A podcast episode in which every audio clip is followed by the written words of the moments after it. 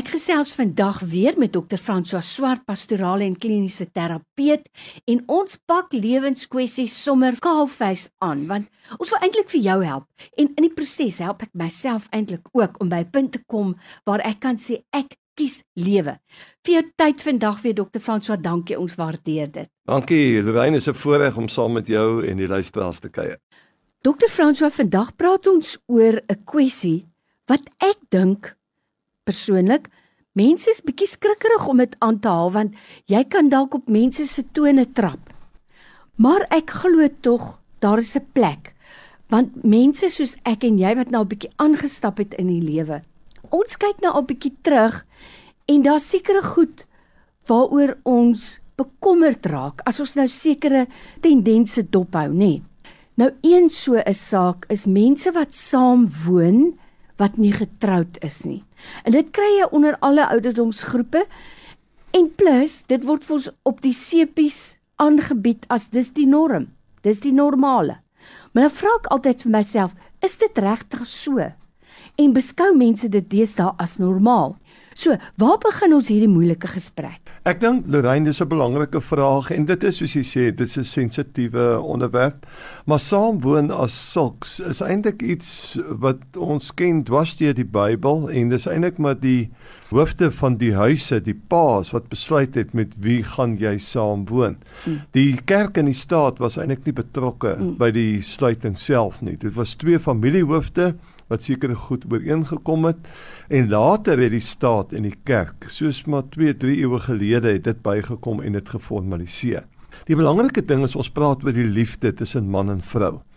En liefde binne die Bybel speel 'n geweldig groot rol. Maar liefde nie net wat dui op eros en die feit dat ek uh, seksueel wil verkeer met iemand nie.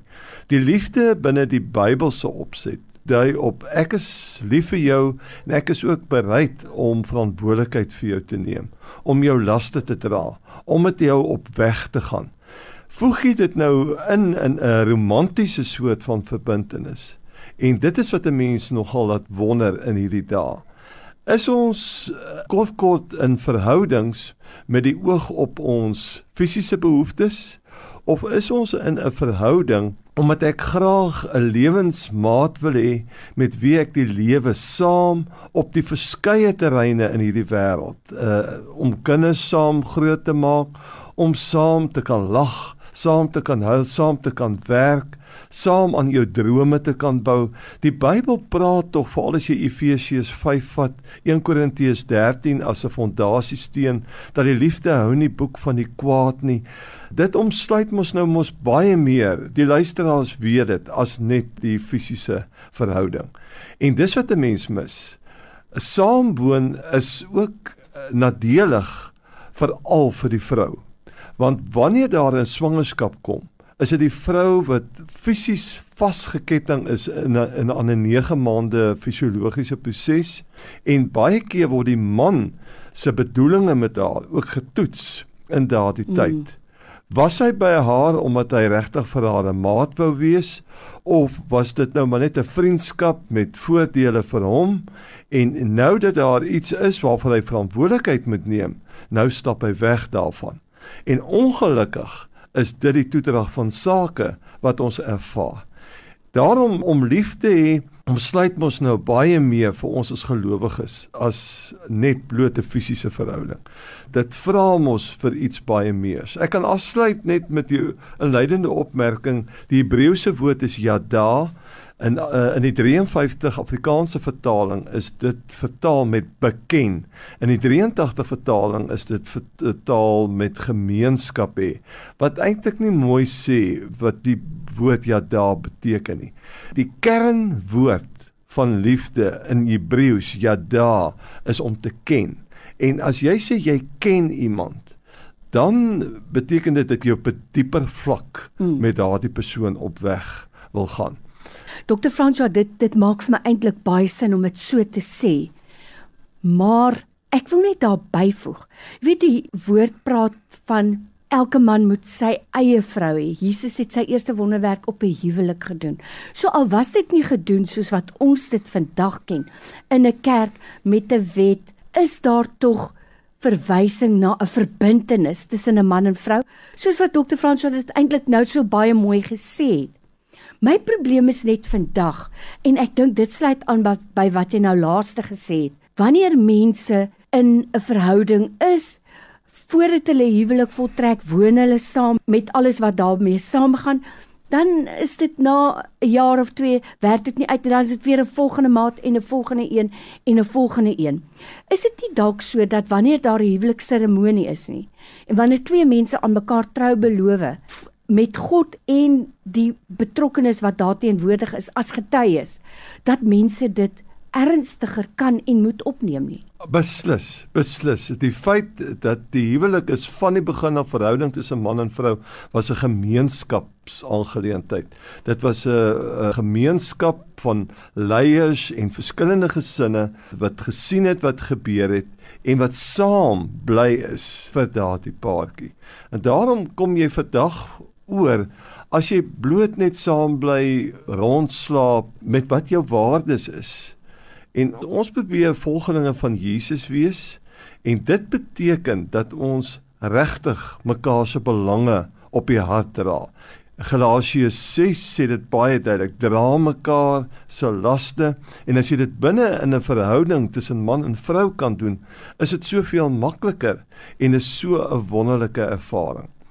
Alles is alright as daar niks verkeerd gaan nie. Maar sodra dinge begin verkeerd gaan, en jy het jouself nie verbind met 'n belofte voor getuienisse nie. Dan's dit baie maklik om sommer net jou tassie te vat en hmm. uit te stap daaruit. En dan moet ek dink ons moet by die punt kom, wat is liefde? Is liefde 'n gevoel? Is liefde 'n fladdering in die hart? Nou dit is deel daarvan. Is dit noodwendig knieë wat lam word? Maar iewers met 'n mens groei. Ons werk in die gedragswetenskappe en veral met huweliks terapie dat 'n huwelik gaan eintlik deur 8 fases. In die mm. eerste fase is maar die romantiese fase. Maar iewers in jou verhouding gaan dit nie meer oor 'n gevoel nie, maar dit gaan oor 'n besluit. Dit gaan oor 'n verbintenis, dit gaan oor 'n belofte. Dit gaan oor integriteit. Dit gaan oor lojaliteit. Dit gaan oor dat jy verstaan dat die liefde gaan deur seisoene, winterseisoene, gaan deur herfsseisoene, maar ook deur lente en somerseisoene. Dit gaan deur sakke sout opeet prosesse. En dan moet daar iets wees wat jou altyd daaraan herinner.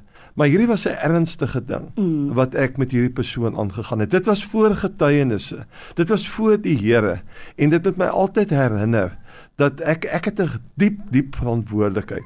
En ek dink dit is wat ons probeer net bietjie ondersoek in ons saamgesels en saam met die luisteraars. Wat dink die luisteraars? Is ons regtig met mekaar as lewensmaats op 'n ernstige manier op weg of is ons baie oppervlakkig? En daarom sou ek wil afsluit. Ek dink enige een van ons wat in 'n huwelik saamtrek en die voorreg het om saam met iemand in 'n saamwoonverhouding ook dan te leef, is ons met die heeltyd soek na doelwitte. Hoe kan ons die verhouding verryk? Hoe kan ons ons konflikprosedures opskerp? Hoe kan ons beter kommunikeer? Uh, dit geld in enige verhouding mm. en dat 'n mens na lewensafrigters toe gaan wat vir jou help. Maar uh, jy kan nie inhak by enige ander mens sonder dat jy nie met 'n plan werk om altyd te kyk hoe jy daai verhouding kan verstewig, kan laat verdiep nie. Ek dink dit is 'n opdrag wat Jesus vir ons gee. By my in die ateljee is Dr. François Swart. Hy's 'n pastorale en kliniese terapeut en ons praat vandag met jou oor saamwoon buite die huwelik. Dr. François, alles baie waar en ek dink veral wanneer daar 'n kind gebore word, dan gebeur dit gewoonlik dat die kind net op die ma se naam geregistreer word. Dit is vir my as 'n ouer byvoorbeeld, ek het net seuns gehad, maar ek dink baie daar, as ek dogters sou gehad het, sou dit my bekommer as my dogter met 'n man gaan saamwoon, dan sal ek altyd wonder, is dit omdat die man 'n agterdeur wil oophou? As dit nie uitwerk nie of ek hou nie daarvan soos wat ek dink, kan ek net soos jy nou net reg gesê het, my tasse pak en gaan. Dis nie 'n maklike besluit nie, maar ek dink Ons as ouers moet met ons kinders hieroor praat terwyl hulle nog op laerskool is. As hulle in hoërskool is, in my opinie, is dit klaar te laat. vir jou tyd vandag weer dokter François. Baie baie dankie. Ons waardeer dit. Dankie Lorraine en kom ons wees goed vir mekaar.